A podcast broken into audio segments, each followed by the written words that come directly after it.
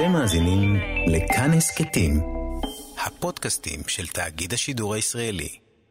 כלומר, שאם אני לוקח את כאב הברך, ואת חיבוק הנכדות, ואת אותו גול היסטורי שבה הכיתה שלי סוף כל סוף ניצחה, אה, האקסטזות האלה בחיים הם אלה שמעצבות את עולם המשמעות שלי. אחר כך בא מוצרט, כן, ואחר כך בא לאוצה. היי, היום אנחנו בפרק מיוחד של גבוהה גבוהה. בגלל הסגר נאלצנו לקיים את השיחה בזום, אבל כדי לפצות על זה, המרואיין הוא איש מיוחד מאוד, וגם הנושא לא שגרתי בכלל. מתחילים. גבוהה גבוהה, שיחה פילוסופית על כל מה שבכותרות, עם נדב נוימן. הבל הבלים, אמר קהלת, הבל הבלים, הכל הבל. בסוכות נוהגים לקרוא במגילת קהלת, אחד הטקסטים באמת יוצאי הדופן בין ספרי התנ"ך. הוא בנוי כאוסף של דברי חוכמה ועוסק בכמה מהשאלות הפילוסופיות הכי גדולות שיש. אם הכל חולף, למה להתאמץ לעשות משהו? איך מוצאים אושר בעולם שבו לא מובטח גמול אפילו לצדיקים? למה לטרוח להשאיר חותם בעולם אם היקום מחזורי והכל חוזר לאותה נקודה? על פי הערכות, קהלת נכתב אי שם בין המאה השישית לפני הספירה למאה הרביעית לפני הספירה, והעובדה הזאת, יחד עם הסגנון שלו, תמיד גרמו לי לחשוב עליו כאיזה סוכן של הפילוסופיה היוונית, או אפילו יותר טוב, של הפילוסופיה הסינית של אותה התקופה, אצלנו בתנ"ך. אני נדב נוימן, אתן מאזינות ומאזינים לכאן תרבות, התוכנית גבוהה גבוהה, שבה מדי שבוע אנחנו לוקחים נושא מהכותרות ומפרקים לו את הצורה הפילוסופית. כי דעות על מה שקורה יש לכולם, אבל כדי להבין מה עומד בבסיס המציאות, צריך לחפור קצת יותר. הפעם, כדי לטבל את העניינים, נשאל את השאלות שמעלה קהלת, וננסה לתת תשובות ממקום אחר לגמרי, ואולי בעצם לא כזה שונה. איתי נמצא היום, לא באולפן אלא בזום, פרופסור יואב אריאל, לשעבר ראש החוג לפילוסופיה והחוג ללימודי המזרח הרחוק באוניברסיטת תל אביב, וסינולוג בעל שם עולמי. שלום יואב. שלום, שלום, חג שמח. חג שמח. אז יואב, בדרך כלל כשרוצים לעסוק בקהלת בצורה של פילוסופיה השוואתית, מדברים על בודהיזם או זן בודהיזם, כי גם קהלת מדבר על המחזוריות של הדברים, על גלגל החיים והמוות וכולי וכולי. אבל גם לפילוסופיה הסינית יש מה לומר בעניינים האלה, נכון? אבל אתה יודע, אולי רגע לפני שנתחיל אה, לצלול לעומק אה, בשיח הזה בין קהלת לפילוסופים הסינים, ניתן איזה הסבר בקצרה. מהי בכלל פילוסופיה סינית? מי היו הפילוסופים הסינים? מתי הם פעלו? אילו זרמים יש? ככה על קצה המזלג. אם כן, הפילוסופיה הסינית אפשר להגיד, אה, התחילה, אנחנו יכולים לאפיין אותה כבר במאה השביעית או השמינית לפני הספירה, והרגע האחרון שלה הוא הרגע שהיה לפני שהתחלנו בשידור.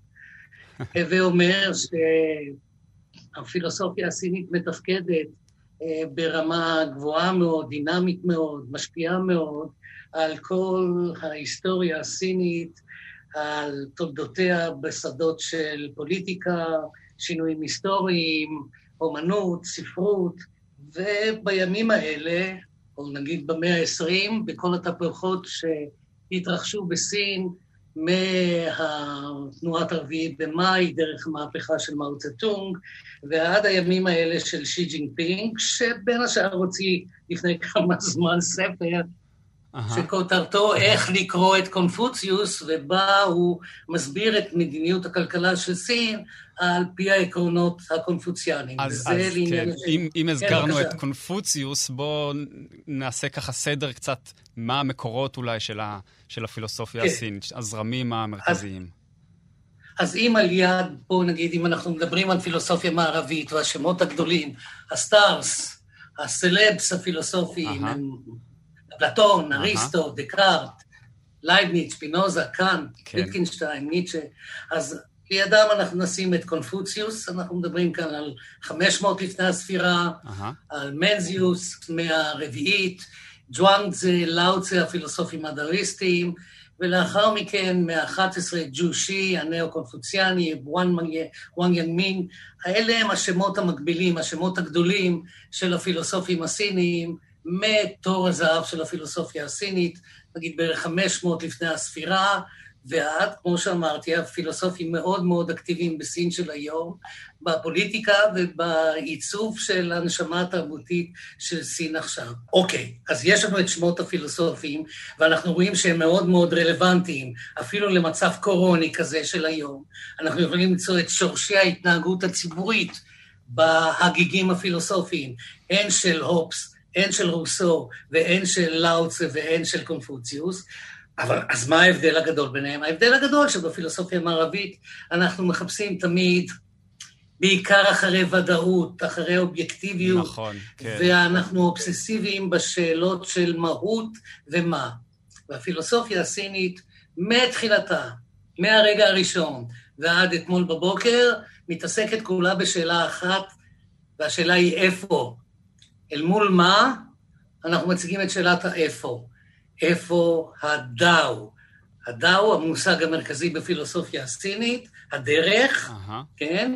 איש לא ישאל מהי הדרך ומהות הדרך והוודאות שיש לי בדרך, אלא ישאלו תמיד את השאלה איפה. מדהים. ובעניין זה... זה של איפה, כן. ובעניין זה של איפה נחלקו הפילוסופים הסינים, ותולדות הפילוסופיה הסינית, מקונפוציוס ועד אתמול בבוקר, היא איפה אני יכול למצוא את הדאו. הקונפוציאניזם יגידו, אנחנו יכולים למצוא את זה בספרים, Aha. כלומר, בספרים מתחבא הדאו, בספרי הקודש מתחבא הדאו, והדאויסטים יבואו ויאמרו, האסון הגדול ביותר שקרה הוא שהיו אנשים שקראו להם קונפוציאנים, והם חושבים שהדאו מתחבא בספר, אבל הספר הוא יצירה אנושית, והדאו האמיתי הוא, בואו נגיד, בטבע, בקוסמוס. הדאו הוא עניין לא תלוי מנטליות אנושית. וזה סיפורה של הפילוסופיה הסינית. על קצה המזלג, אנחנו אומרים, הפילוסופיה הסינית היא ברוחב היריעה שלה, היא, היא לא נופלת לחלוטין מהפילוסופיה המערבית. מתחילה מהמאה אה, החמישית, שישית לפני, לפני הספירה, יש לנו...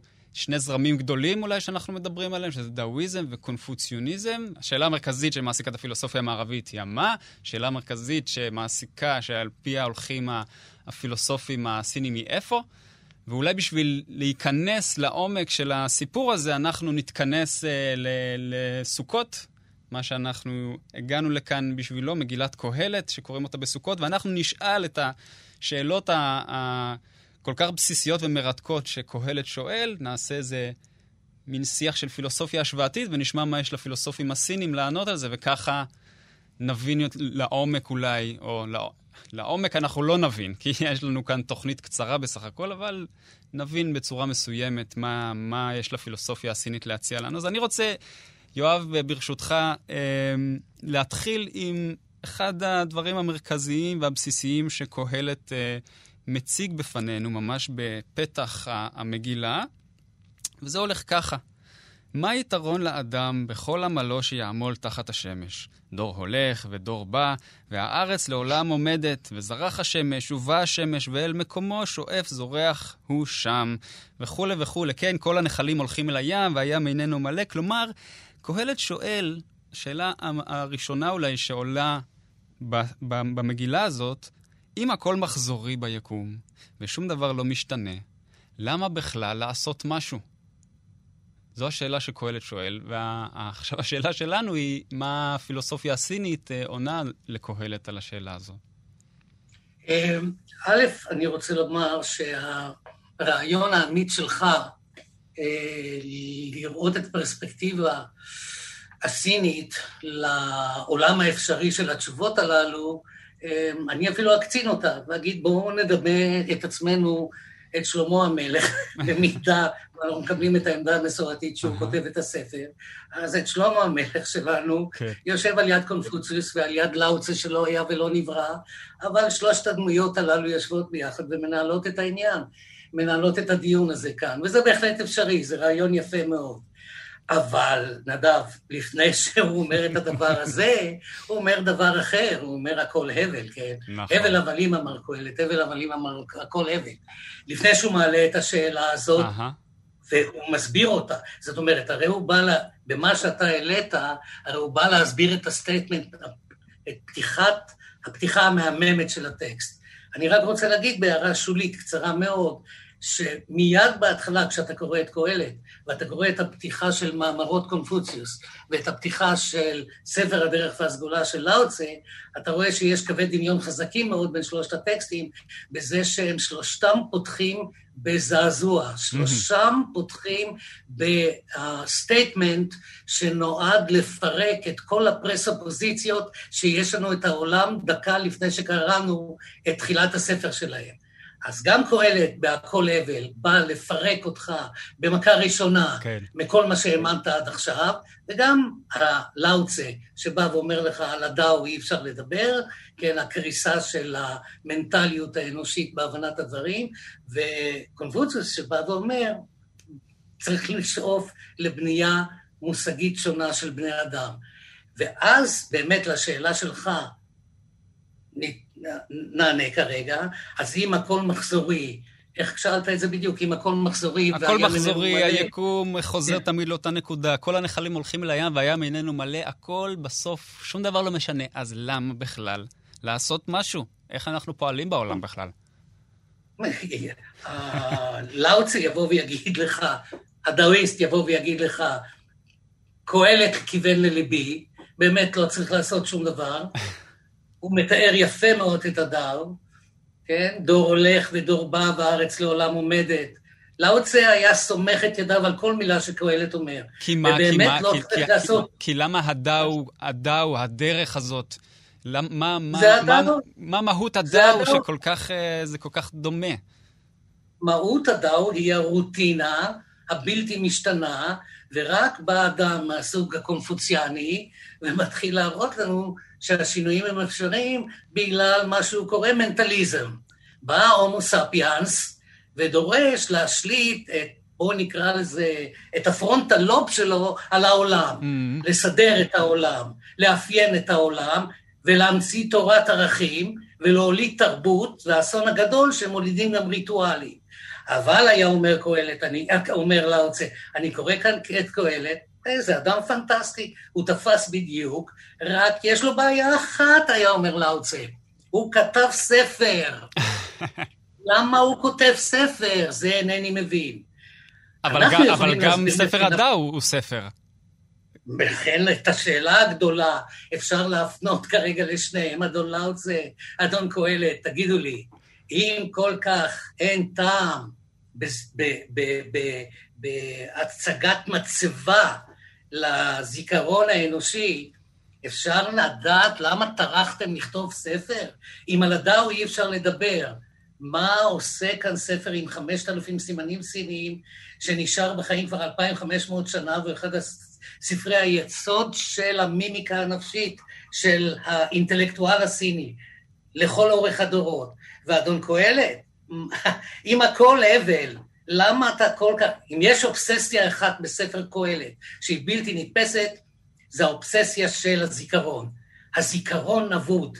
לא יהיה לאף אחד זיכרון. אין זיכרון. ועוד פעם ועוד פעם, אתה רואה שמה ש, מה שהורס לו את החיים, אם נשתמש בשפה של הנכדות, הורס לו את החיים, זה שלא יישאר זיכרון. כן, הוא אומר, ידעתי גם אני שמקרה אחד יקרה את כולם, נכון? זה לא משנה חכם, טיפש, מלך, שליט, עבד, כולם בסוף ימותו, שום דבר לא משנה. נכון, ולכן, דרך אגב, הוא אומר לנו אולי בין השורות, אתם מבינים למה אני כותב את הספר?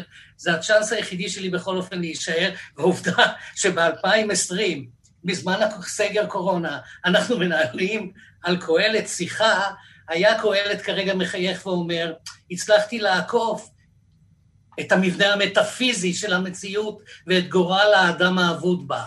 יש זיכרון, ואתם יודעים מה? כתבתי ספר על הנושא איך אין זיכרון. כן. אני רואה כאן את הקו הפסיכולוגי, כן? כי אם אתה רואה את הזוועה, לא רק את הזוועה, גם את הכיעור, ההבדל הגדול אם היית אומר, אז מה ההבדל הגדול בין הקונפוציוניזם והדאואיזם וקהלת? כי יש הרבה מאוד קווי דמיון, המון קווי דמיון. הם, כל הטקסטים משתמשים במקורות ראשוניים. קהלת, אנחנו יכולים ללכת איתו עד uh, עלילות מל, גיל, גילגמש, שלא לדבר על זה שאת המסר העיקרי, הכל הבל, הכל הבל, הוא לוקח מתהילים שנכתב לפניו. Uh, אז אתה רואה את כל האלמנטים השונים, את העוינות לידע, גם קונפוציוס, גם לאוצה וגם קהלת, עוינים ידע. עוד פעם, מטעמים אולי שונים, אבל הם עויני ידע. אבל יש בהם אה, אה, אה, שינוי רדיקלי. מהו השינוי הרדיקלי ביותר? הייתי אומר הגישה ליופי. אתה קורא את קהלת, את כל הפרקים, אתה מחכה, יש שנייה אחת שאתה מחכה שבכל אופן הוא יסתכל על, על ים גועש, שיסתכל על גשם, על שלג, שיסתכל על ילד או ילדה קטנים, חתן וכלה, שיגיד, וואו, איזה יופי הרגע הזה שהכוכבים בשמיים. nothing, שום דבר. הכל הבל באמת. פה ושם יש לו כמובן סטיות קטנות, הוא נשבר, ו- ויכול להגיד משהו יפה על משהו. אבל בסך הכל, הספר הוא מקסים, אבל הוא נורא קשה לקריאה מפני שהוא גם רומס את היופי. אצל לאוצה וקונפוציוס, כל מבט, אפילו אצל לאוצה, כן, שהוא כל כך מיואש מהמין האנושי, הוא רוצה הרי, לח... הוא רוצה הרי לבטל את אותנו כהומו ספיאנס ולהחזיר אותנו למצב של הומו ארקטוס. אבל כשהוא מדבר על רוח כשהוא מדבר על הדאו, היינו על רוח העמק, הוא מתחיל להתפייט כמשורר גדול מאוד, ומדבר על היופי האדיר של הערפל, של הענן, של האימג'ים הנעלמים בתוך הציור הסיני. הוא נשבר, היופי שובר אותו ברגע מסוים. הוא מתעשת וחוזר, הוא מיד מעמיד להכיר את המלומדים, כן? אבל יש, היופי ישנו, אפילו בספר המיואש הזה, מתרבות האדם של הלאוצי. עכשיו מדברים גבוהה גבוהה, בכאן תרבות. טוב, אנחנו בכאן תרבות, התוכנית גבוהה גבוהה. אני נדב נוימן, יושב איתי בזום פרופסור יואב אריאל. יואב, אני רוצה, עד עכשיו ככה שלחנו כמה זרועות uh, מתוך קהלת לתוך ספר הדאו של לאוצה, הספר שהגדיר את הדאואיזם, וקצת על קונפוציוס. אני רוצה אולי שניגע רגע בצורה קצת uh, uh, יותר uh, מדויקת, נאמר, במושג המרכזי הזה שנקרא הדאו, כי כשפתחנו את השיחה בינינו, אמרת שבעוד פילוסופיה המערבית עוסקת הרבה בשאלת המה, כן, זה מין, זה השאלה המטאפיזית אולי, של מה, מה קיים במציאות, מהי המציאות באמת וכולי, והפילוסופיה הסינית עוסקת בשאלות אחרות לגמרי. עכשיו, אנחנו לוקחים את ספר קהלת, ומולו מעמידים אולי את, את לאוצה ואת ספר הדאו, וכשאני אומר אפילו ספר הדאו, בסין זה כמובן זה, זה הדאו דה ג'ינג, המושג הזה, הדאו, עומד במרכז. ובעוד אתה אומר לנו שהפילוסופיה הסינית לא עוסקת במה, במה יש, מה קיים באמת, המושג הזה, הדאו, אם נלך רגע הצידה אפילו מקהלת, המושג הזה, הדאו, הוא מושג שהוא בהחלט מושג מטאפיזי, לא? הוא, מה זה הדרך? מה זה הדרך? הדרך הזאת שאי אפשר לדבר עליה, אי אפשר לתאר אותה במילים, כן? הדאו שניתן לתארו במילים הוא לא הדאו הנצחי כמו שנפתח ספר הדאו. אז מה זאת אומרת? קהלת אפילו לא, לא, לא שואל שאלה מטאפיזית כמעט, הוא שואל את השאלות של החיים באמת, איך חיים בעולם שהוא אה, תמיד חוזר לאותה נקודה וכולי וכולי. והספר הדאו והדאואיזם דווקא פותח לנו פתח כמעט מיסטי, הייתי אומר אפילו, לא? להסתכל על המציאות.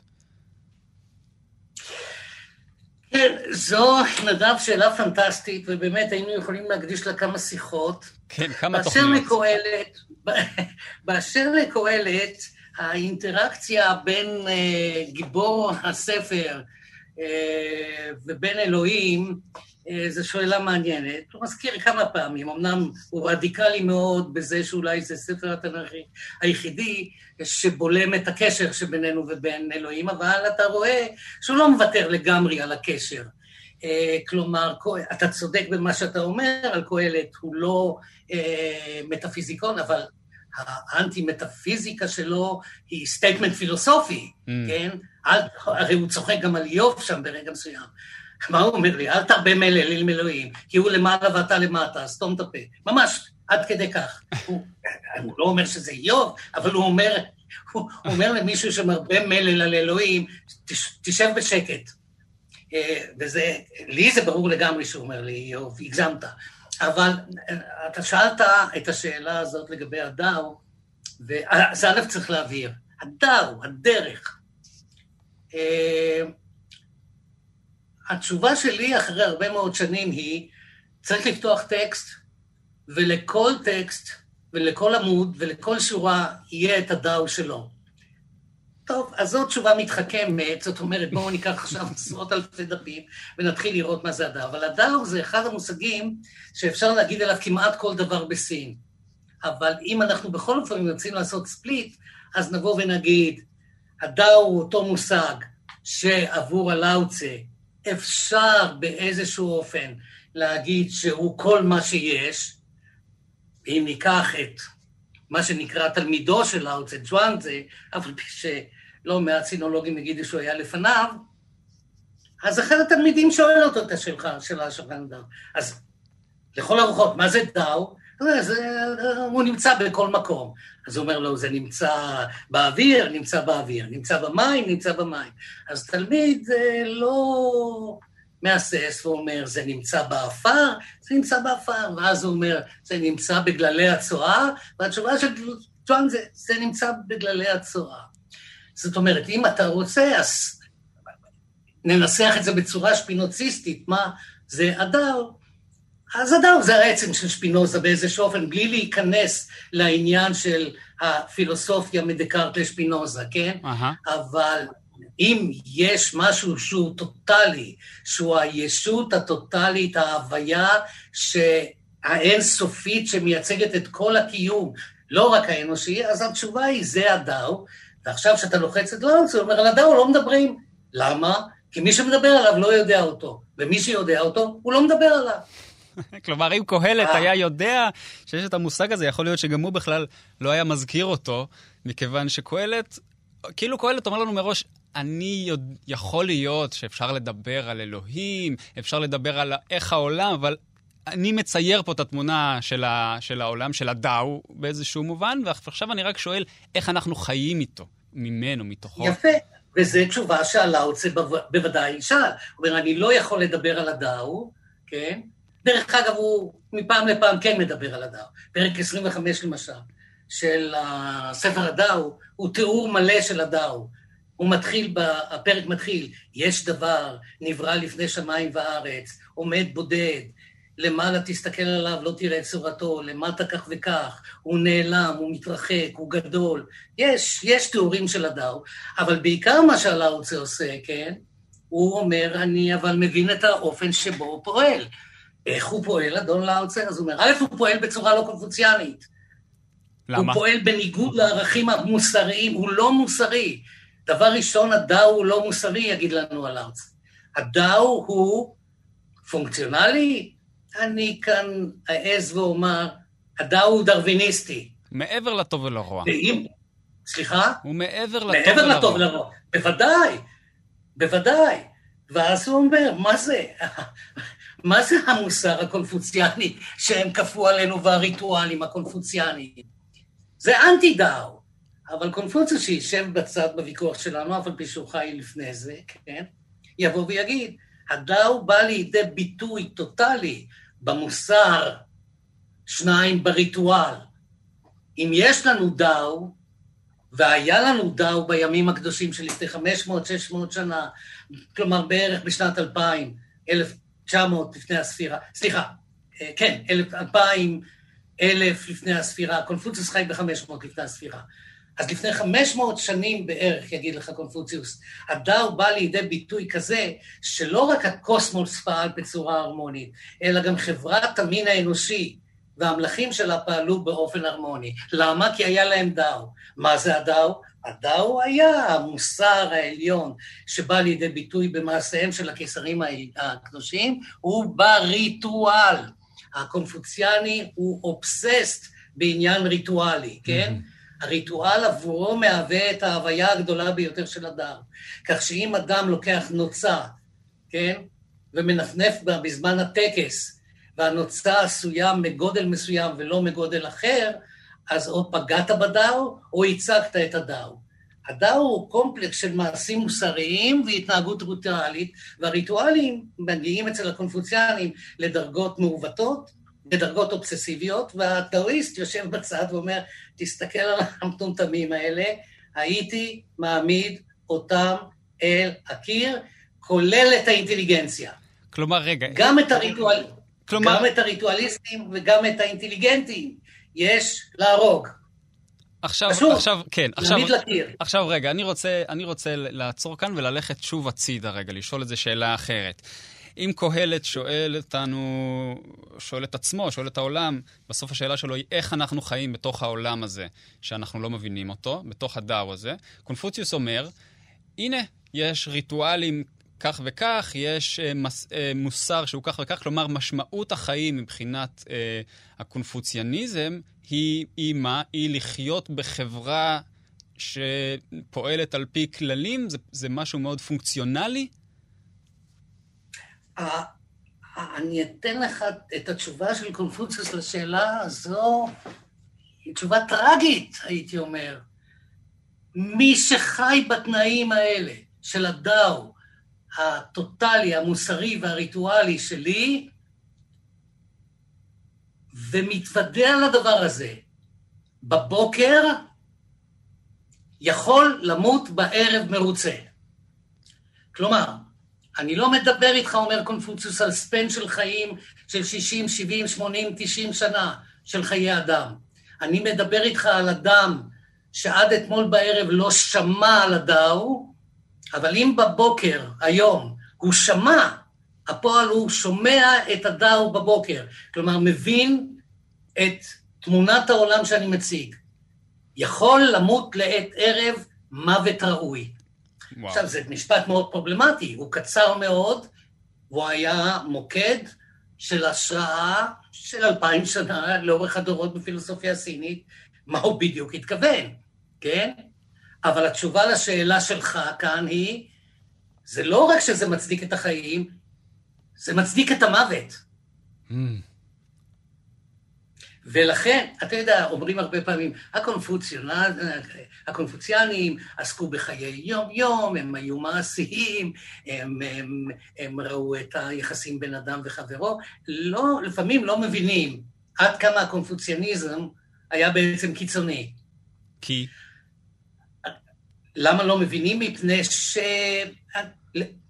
לדעתי, לדעתי בגלל ברטון ראסל. ראסל ב-1905 כתב ספר The Problem of China, הוא היה שם שנה, וכשהוא יצא הוא כתב ספר The Problem of China ב-1905, ושם בקטע, בפרק על פילוסופיה סינית, הוא בא ואמר שקונפוציוס זה אדם משעמם, שההגיגים שלו לא מעניינים, לעומת זה לאוצה הוא מיסטיקן גדול. הדורות שהתחנכו על ראסל, באמת, עד 1930-35, בעצם קבעו, נקבעה עמדה לגבי הפילוסופיה הסינית בצורה כזאת. והייתי אומר שרק ב-1972 פורסם ספר חשוב מאוד של אדם בשם פינגרט, שבא ואמר הריטואלים הקונפוציאניים, צריך להבין אותם, שזה יצר מבנה דתי שלם לגמרי של החיים הסיניים, שבהם ראינו את כולם שם כחילונים. יש רק עכשיו בהרווארד יוניברסיטי, השיעור והספר הכי פופולרי, זה ספר שיצא גם בעברית של מייקל פיואיט, שנקרא באנגלית The Path, ובעברית, שכחתי, או המסלול, הוא נזהר לקרוא לזה הדר, או הדרך. Mm-hmm. הנתיב אולי, הנתיב. זה יצא ביציאות, בידיעות אחרונות לפני שנה, שנה וחצי, שבה הוא לוקח את כל הפילוסופיה הקונפוציאנית, הריטואלית, הקשה הזאת, ובא ואומר לנו בציבור המערבי, רבותיי, זה בעצם היסוד לגאולתנו. למה? מפני שאנחנו, יחד עם הפילוסופיה המערבית, מאז דקארט, היינו אובססט עם האני שלנו, עם האני החושב שלנו, מדקארט עד פרויד, אבל אין לנו אני כזה. זה בלוף, זה אילוזיה, זה אשליה. ולכן כל כולנו שישבנו אצל פסיכותרפיסטים במשך 100-150 השנים האחרונות, וחיפשנו את האני האותנטי שלנו, את האני האמיתי שלנו, עבדנו על אילוזיה, על פייק עבדנו, ולכן הגענו למצב, לקריסה שהגענו. מה אנחנו צריכים לעשות, אומר פיואי? אנחנו צריכים לקרוא פילוסופיה סינית. את מי לקרוא? את קונפוציוס. למה? כי קונפוציוס מביא לנו את אמנת הריטואל, את הדאו הריטואליסטי, וברגע שאנחנו נכנסים למבנה ריטואליסטי של אינטראקציה אנושית, אז לך נדב יש תפקיד, ולי יש תפקיד, אני מרואיין, אתה מראיין, יש איזה כללים מסוימים. עכשיו מדברים גבוהה גבוהה, בכאן תרבות. אנחנו בכאן תרבות, התוכנית גבוהה גבוהה, אני נדב נוימן, איתי בזום היום אה, פרופסור יואב אריאל. אנחנו משוחחים על uh, הקשר בין השאלות, ש... השאלות הגדולות על החיים ששואל קהלת, והתשובות שאולי uh, מספקת הפילוסופיה הסינית עם לאוטזה והדאואיזם וקונפוציוס והקונפוציוניזם. ועכשיו אני רוצה לשאול שאלה ש... היא אולי אחד הדברים המוכרים והיפים ביותר במגילת קהלת שאנחנו קוראים בסוכות, והיא גם תוביל אותנו לאחד המושגים המוכרים, המרכזיים והאהובים בדאוויזם. והציטוט מקהלת הולך ככה: לכל זמן ועת לכל חפץ תחת השמיים, עת ללדת ועת למות, עת לטעת ועת לעקור נטוע, עת להרוג ועת לרפוא, עת לפרוץ ועת לבנות, וכולי וכולי וכולי. כן, אנחנו מכירים את זה כולנו. עכשיו, יואב, כשאני חושב על, ה, על הציטוט הזה מקהלת, הדימוי שעולה לי בראש הוא הדימוי המוכר של היין יאנג, לא? לא. זה רעיון מעניין. כן, אוקיי. רעיון, רעיון מעניין, אבל לא. אבל לא. אני אגיד לך, אבל בעיקר למה לא. מבחינתי, כמובן, כן. למה לא. מפני ש... איך נתייחס בכבוד עילאי לפרק הזה, לפרק השלישי בקהלת, אולי הפרק, מחוץ לפרק י"ב שמתאר את ימי הזקנה והמוות, אה, זה אולי הפרק הכי מעניין בכל הספר, הוא כל כך פרובלמטי, הוא כל כך לא מובן, כי הוא לא נכון. כלומר? כלומר, עת ללדת ועת למות. זה לא נכון. אין עת. לדבר הזה אין עת. כל יום אנחנו נולדים וכל יום אנחנו מתים. מילא אתה בא ואתה אומר, עת מלחמה ועת שלום. you're right, זה נכון. אבל באשר יש שם מצבים בסריה הזאת שלא יכולים להיות שיש להם עת. אם באמת התכוון המשורר לבוא ולהגיד, יש זמן לכל דבר, mm-hmm. כלומר, עת לכל חפץ תחת השמיים. אני לא חושב שהוא אומר את זה אבל, למה? מפני שהוא מכיל בתוכו את המשפט עת ללדת, עת, עת להיוולד ועת למות, לא משנה. כן. אבל נולדים ומתים באותו יום. זאת אומרת, אם יש דבר שאין עת, זה ללדת ולמות. אני לא מדבר על בדיחות כמו כנוס ענבים וזרוק ענבים, לחבק ולא לחבק. באמת, מה באת לומר לי המשורר האלמותי של היהדות שלמה המלך, מה אתה בא לומר לי? שלמות ולחיות מלחמה ושלום זה כמו לחבק ולרחוק מחבק? מה, אתה מדבר איתי כאן על מצב של קורונה? אבל אולי הוא מדבר, לא יכול... אולי... אה, אה, אה. אולי הוא מדבר, יואב, על, על איזון קוסמי, על איזון הניגודים, משהו כזה? יכול, בבקשה, אבל, אבל זה לא נכון שעת לכל זמן תחת השמיים. זה, אם אתה נולד ומת באותו יום, מיליוני בני אדם מתים ונולדים באותו יום, אז העת היא, היא בעייתית כאן. אני חושב שבסריה הזאת יש כמה סודות, ויכול להיות שבכמה מהם אפילו יש מצב שבו המשורר קצת צוחק מן הקורא. ואם זה בעצם אינטרדקשן למה שהוא אומר לאחר מכן, שהוא מסיים שם את העניין ומותר האדם מן הבהמה עין, זה לא הכל הבל. שם הוא אומר דבר הרבה יותר קשה מהכל הבל. שם הוא בא ואומר שאין לנו שום יתרון מהמבה. זה מה שהוא אומר לנו. אז יכול להיות שבאמת, כמו שאתה אומר, ההצגה הקוסמית שהכל קורה, כי אם אנחנו רוצים להפסיק את השירה וניקח רק את הפעלים שבונים את הפרק הזה, ללדת, למות, מלחמה, שלום, כנוס ענבים, זרוק ענבים, חבק, אל תחבק, אתה רואה שיש כאן בעצם כשלושים פעלים של המין האנושי, שהם אה, פחות או יותר פעולת האדם, ואז הוא בא ואומר לפעולת האדם, אתה המבה. אותו דבר.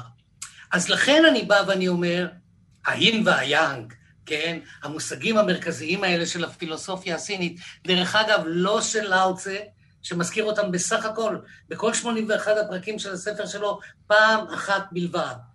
והאנלקטים של קונפוציוס, אפילו לא בפעם הזה. המושגים האלה הם קצת יותר מאוחרים, והם שני אספקטים, כן, הרי ש, שלא כמו בפילוסופיה היוונית, אתה יכול לעשות רדוקציה של הקוסמוס לחמש יסודות, שלא כמו בפרה-סוקרטיות, אתה יכול לעשות רדוקציה עם טאלס לכל הקוסמוס למושג מים, בפילוסופיה סינית אתה לא יכול לקחת את הקוסמוס ולעשות לו רדוקציה לשני יסודות אין ויאנג, מפני שהם, הייתי מסתכל והייתי אומר כאן, הם צורת הסתכלות, כן? אז מה באמת, מה, מה, מה באמת המשמעות של, ה, של המושג הזה, אין ויאנג? אתה אומר צורת הסתכלות. מה, מה אני יכול ללמוד מזה? אני יכול לבוא ולאפיין כל מצב, את השיחה הזאת בינינו, את המוניטור שאני מסתכל כרגע. את המצב שלנו כרגע בעולם עם הקורונה. בניגוד למצב שמחר, בואו ניקח את מצבנו עם קורונה. אנחנו בסגר, כן? אני יכול לקחת את האין והיאנג, אם אני מומחה של טיפול ביאנג, והספר הקדוש, הספר הקלאסי, לעניין זה יהיה ספר התמורות, יש תרגום אפילו לעברית שלו, של גראוזה, כן? אז אני יכול לבוא ולהגיד, יש לי, נגיד, באין והיאנג, עם הספר שמייצג אותו, שזה ספר התמורות, את האלגוריתם שבאמצעותו המציאות כתבה את עצמה. אם אנחנו רוצים להגזים עם כל הזהירות, אפשר טיפה להשוות את זה לעולם האידאות האפלטוני, בעצם שמייצג את המציאות מעבר לחלל ולזמן. או את ה-Unified Theory of the Universe. אבל בואו נחזור רק שנייה אחת לקורונה. כן. אין לי ספק בכלל שבממשלת סין יש היום מישהו שאחראי על זה שאחרי ששי ג'ינפינג שמע מה שיש לשר הבריאות שלו, ולפרויקטור, ולאנשי הצבא, איך הם מסתדרים עם הקורונה כרגע, הוא קורא גם למומחה של היין והיאנג, כלומר לספר האי צ'ינג, והם זורקים קצת את המקלות או את המטבעות, ורואים איזה סיטואציה של יין ויאנג משקפת סין במאבק שלה בקורונה היום, ורואים את התמורה, את ה-changes, את המשחק שבין האין והיאנג עוד פעם, האם זה הנקבי והשפל והמסתורי והחבוי, במקור זה הצד המוצל של ההר, והיאנג זה הצד המואר של היער. אז האדמה היא האם והשמיים הם היאנג. כל מי שיחפש שנייה באינטרנט ימצא את כל שורות המושגים האלה. אבל כשאני בא ואני אומר, הדואליות הזאת, שמרכיבה בעצם את האלגוריתם שבו בנויה המציאות הסינית, בואו נגיד באופן במרכאות מדעית, ה-Unified Theory of the Universe הזה, שלא בא לידי ביטוי בטקסטים הקונפוציאניים והדאוויסטים הראשונים, שאני מסתכל על תמונת עולמו של קהלת, עת לכך ועת לכך, עת לכך ועת לכך, אני לא רואה את ההתאמה כאן, כן? זה לא שהפילוסוף הסיני בא ואומר לך יום יין, יום יאנג, יום יאנג, יום יין. לא. הכל ביחד. בכל רגע, okay. כן. בכל רגע נתון אתה נולד ומת. בכל רגע, אם אני לוקח את, את קהלת, בכל רגע יש לי מלחמה ושלום. בכל רגע אני כונס ענבים, מחבק ורחוק מחבק. כלומר, זה לא שלכל. זמן ועת לכל... זה שבכל זמן ובכל עת אנחנו נולדים ומתים, כל שנייה אנחנו נוטעים ועוקרים נטוע, כל רגע אנחנו נהרגים ומרפאים, זה הכל ביחד, מה זה, כל אחד זה פנים, פנים שונים רגע, של לא מבחינתו של קהלת. לא, מבחין, לא, מבחינת לא, ה... כן, אם אתה... תראה, מה, מה אתה עושה כאן? אתה אומר, אני רוצה כרגע לעשות מהלך מטה-פילוסופי. כן. אני מסתכל על קהלת, אמרת מה שאמרת, שזה אולי קצת בדיחה, לא בדיחה, של לקחת ברצינות, שאולי יש איזו כוונה נסתרת, אוקיי. ועכשיו ניקח את האין והים. עכשיו בואו נעשה מטה-פילוסופיה. הם בסך הכל הם human, ואם יש מה שנקרא פילוסופיה אוניברסלית, או תנאים אוניברסליים למחשבה אנושית, ההומו ספיאנס, שני ההומו ספיאנס האלה, יושבים וחושבים, ועובדה, לא תכחיש, תגיד לי יואב, שיש כאן איזו מחשבה דואליסטית טיפה, כן? קהלת מחלק, כך וכך, כך וכך. כן. והסיני הוא קצת יותר קיצוני, כי הוא אומר, אז אלה שניים. אז אני בא ואני אומר, השניים, א', הם לא יסודות. השניים האלה, אין ויאנג, הם לא פעילויות. אצל... אז אתה אומר, בוא נלך צעד אחד אחורה. עוד אחורה, עוד אחורה. מטה-פילוסופיה. אז אני ברגע הזה ארים קצת ידיים, ואני אגיד אולי מבחינה קוגניטיבית, הצורה שבו שני הפילוסופים האלה רוצים להשתלט על העולם, האין והיאנג כמושגים שאיתם הפילוסוף הסיני מרגיש שהוא in control, והוא יכול להסביר לי אין את המפלה בבורסה, אין את הקורונה, ואין את היופי השממי של אה, שביל החלב, אז אני אגיד שאפשר בדוחק לבוא ולהגיד את זה על שורת המקרים הללו שקהלת אה, מציג לפנינו, אה, ולהוביל אותנו באף לרעיון שאנחנו והמבה, או הפרה, או החתול, הם היינו הך. דרך אגב, מעניין לציין, כן. הרי גנבו דברים מקהלת לא מעט. כשאתה חושב על הפתיחה של מחכים לגודו, של סמואל בקט, כן. הפתיחה היא קהלת. הפתיחה היא קהלת. יש שם הרי שניים שיושבים על אמת דרך, נכון. ולדימיר ואסטרגון, ואז אסטרגון אומר, There is nothing to be done, אין, אין, אין, אה, הכל אבוד. זה פתיחת המחזה. והשני אומר לו, כן, אני חושב שאתה צודק, אבל הנה, אנחנו נפגשים עוד, עוד פעם, ומיד בשורה השנייה אומר, בוא ואחבק אותך, הם נפגשים. ואז הוא אומר לו, not now, not now. אתה מסתכל ואתה רואה, עת לך... מאיפה הוא לקח את זה, בקט?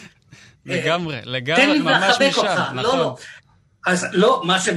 מה שמביא אותך למחשבה, רגע, בקט פותח את מחכים לגודו עם קהלת בגניבה קצת. הוא לוקח את הפסוק הפחות דרמטי בפרק שלוש, ומביא אותו ממש לפתיחה. האם יכול להיות שמחכים לגודו זה בעצם ניסיון ארוך לתת תשובה למה שכתוב בקהלת? כי הציטטה היא ברורה. יש ציטטות ברורות מקהלת. אה, תיקח את, את, את, את מקבט של שייקספיר. כן. מחר ועוד מחר ועוד מחר, כן? tomorrow and tomorrow and tomorrow, creeps in the spitty pace from day to day. כן, זה קהלת, כן? מה, מה זה? הכל הבל, כן? והאדם חייב כצל עובר. זה קהלת, זה תהילים, אבל זה גם קהלת, הוא לוקח את זה כנושא מרכזי. בא שייקספיר ולוקח את זה כמונולוג המרכזי, אולי היפה ביותר שהוא כתב אי פעם, אחרי שאומרים לו, The Queen my Lord is dead, אז הוא אומר, tomorrow and tomorrow and tomorrow, ואז הוא, הוא לא מצטט, אבל הוא אומר את קהלת. אנחנו, אז אנחנו רואים פה בעצם באמת שהשאלה הזאת המרכזית שקהלת שואל, של uh, היקום הזה שבו אנחנו חיים, שכביכול אין משמעות לכל דבר. כי הכל חולף ועובר, ויום ועוד יום ועוד יום, tomorrow and tomorrow and tomorrow וכולי וכולי. איך אנחנו חיים, איך אנחנו מוצאים משמעות בעולם הזה. אז אנחנו ניסינו אולי לתת, או לא לתת תשובות, אלא לתת לפילוסופיה הסינית גם כן לדבר את, ה, את השאלה הזאת, והגענו אפילו לסמואל בקט ולשייקספיר, כי אנחנו באמת מבינים שהשאלות האלה... קשה מאוד לתת להן תשובה, אבל אפשר בהחלט להציב אה, את גדולי הפילוסופים מכל התקופות ומכל העולם, ולתת להם לשוחח את השאלה הזאת. זה, זה מעלה אולי יותר שאלות מתשובות, אבל גם השאלות האלה הן טובות. אבל עכשיו, יואב, לפני שאנחנו מסיימים, כי אנחנו יכולים להמשיך עם זה לנצח, אבל לצערי אנחנו מוגבלים בזמן, אני רוצה לשאול אותך שאלה אישית. לנוכח השאלה הזאת, של איך אנחנו חיים ואיך אנחנו מוצאים משמעות, בעולם כזה, שהכל בו חולף והכל בו מחזורי, וקשה למצוא אחיזה במשהו. אתה שעוסק בפילוסופיה כבר uh, כמה וכמה שנים טובות, מה התשובה שלך לשאלה הזאת? האם יש לך תשובה לשאלה הזאת? אה, כן, יש לי תשובה, אבל בוא, תשאל, שאל אותה, שאל אותה, אותה, מה המשמעות שלך, מה המשמעות? איך, השאלה היא כיצד אנחנו יכולים למצוא משמעות, אולי או. לא מהי המשמעות, אלא כיצד אנחנו יכולים למצוא משמעות בעולם כזה חסר פשר, שבו הכל חולף ומחזורי, ומגיע תמיד לאותה נקודה. כן, זו שאלה, שאלה יפה, ולהלן תשובותיי. אין שום קשר. אין שום קשר. בין מה למה? בין העובדה, בין התיאור הקשה שלך, מהו העולם, אין unfortunately, אני צריך להסכים איתך, שאין זיכרון, ואין שום... אני יושב וחושב, אני אומר לתלמידים שלי לפעמים, אתם חושבים שבעוד 50 אלף שנה מישהו ידע מי זה היה מוצרט? כן? באך בעוד 100 אלף שנה? מי? התנ"ך בעוד 100 אלף שנה? אנשים אה, לא... וקהלת כאן עושה דבר נפלא בעניין הזה, כן? אה, העניין של הזיכרון, ולכן הוא כל כך אובססיבי, אין זיכרון. אבל יהיו פילוסופים כמובן שיגידו לך, כן, שיש משמעות והם עושים מה שהם יכולים, אבל אה, אומר כך, מכיוון ששאלת שאלה אישית, אם כן, הדבר הראשון והחשוב בעולם בחסר משמעות אישית, זה שלא יכאב לך. שלא יכאב לך, שלא תכאב לך הברך. או ננסה לעשות את זה בצורה יותר מצחיקה, שהחור בשן יפסיק להציק. אה, נהדר, נהדר, נהדר, נהדר, מצוין. אבל לא, אני רוצה, אבל א', אני מתכוון ברצינות לעניין זה. כלומר, שאם אני לוקח את כאב הברך, ואת חיבוק הנכדות, ואת אותו גול היסטורי שבה הכיתה שלי סוף כל סוף ניצחה. אה, האקסטזות האלה בחיים הם אלה שמעצבות את עולם המשמעות שלי. אחר כך בא מוצרט, כן, ואחר כך בא לאוצה. מד... בואו נעשה את זה רגע רציני. אני שואל את התלמידים, מדברים על עושר, קונפוציוס פותח את האנלקטים של קונפוציוס, של, של האנל... את המאמרות קונפוציוס בשאלה מה זה עושר. אז אני אומר לתלמידים שהם בני 22-23, אני אגיד לכם מה זה אושר. אושר זה שהילד הפסיק להשתעל. זה היה בזמן שבני עידן היה אסמטי מאוד מאוד, ובשלוש בבוקר היינו יושבים על יד החדר ובודקים את קצב הנשימות. אז השאלה מתי הוא... אז אמרתי להם, אושר זה שהילד מפסיק להשתעל. אז הם מסתכלים עליי בעיניים פעורות, וראיתי שאוקיי, מטאפיזיקה, ערך החיים, מה יישאר מהזיכרון שלי בעוד 250 שנה, who gives a damn? השאלה היא, ופתאום הילד מפסיק להשתעל, ואושר גדול תופס אותנו. עם זה אני חושב שאנחנו נסיים. פרופסור יואב אריאל, תודה, uh, תודה רבה לך על, על הדברים האלה. תודה, תודה לך. אנחנו סיימנו. אפשר להאזין לנו ביישומון של כאן, בספוטיפיי, באפל ובכל אפליקציה אחרת שאתם מעדיפים. אם אתן רוצות להרחיב עוד בנושאים שעליהם דיברנו בתוכנית, אפשר בהחלט לקרוא את הספרים הבאים. קודם כל ספר הדאו, שיצא בהוצאת חרגול עם עובד, תרגום מסינית של יואב אריאל ודן דאור, וגם כן מאמרות קונפוציוס, שיצא בהוצאת מוסד ביאליק בתרגום אמירה כץ. ומי שרוצה ספר מבוא מקיף בנושא, אני מאוד ממליץ על Introduction to Classical Chinese Philosophy מאת בריין W. ון נורדן. והנה המלצת קריאה קצת אחרת. רומן המדע הבדיוני The Telling מאת אורסולה קיי לגווין משלב בצורה יפייפייה ומאוד מקורית רעיונות דאוויסטיים בבניית העולם ובעלילה שלו. מאוד מאוד מומלץ. אני מקווה שנהנתם, תודה ולהתראות.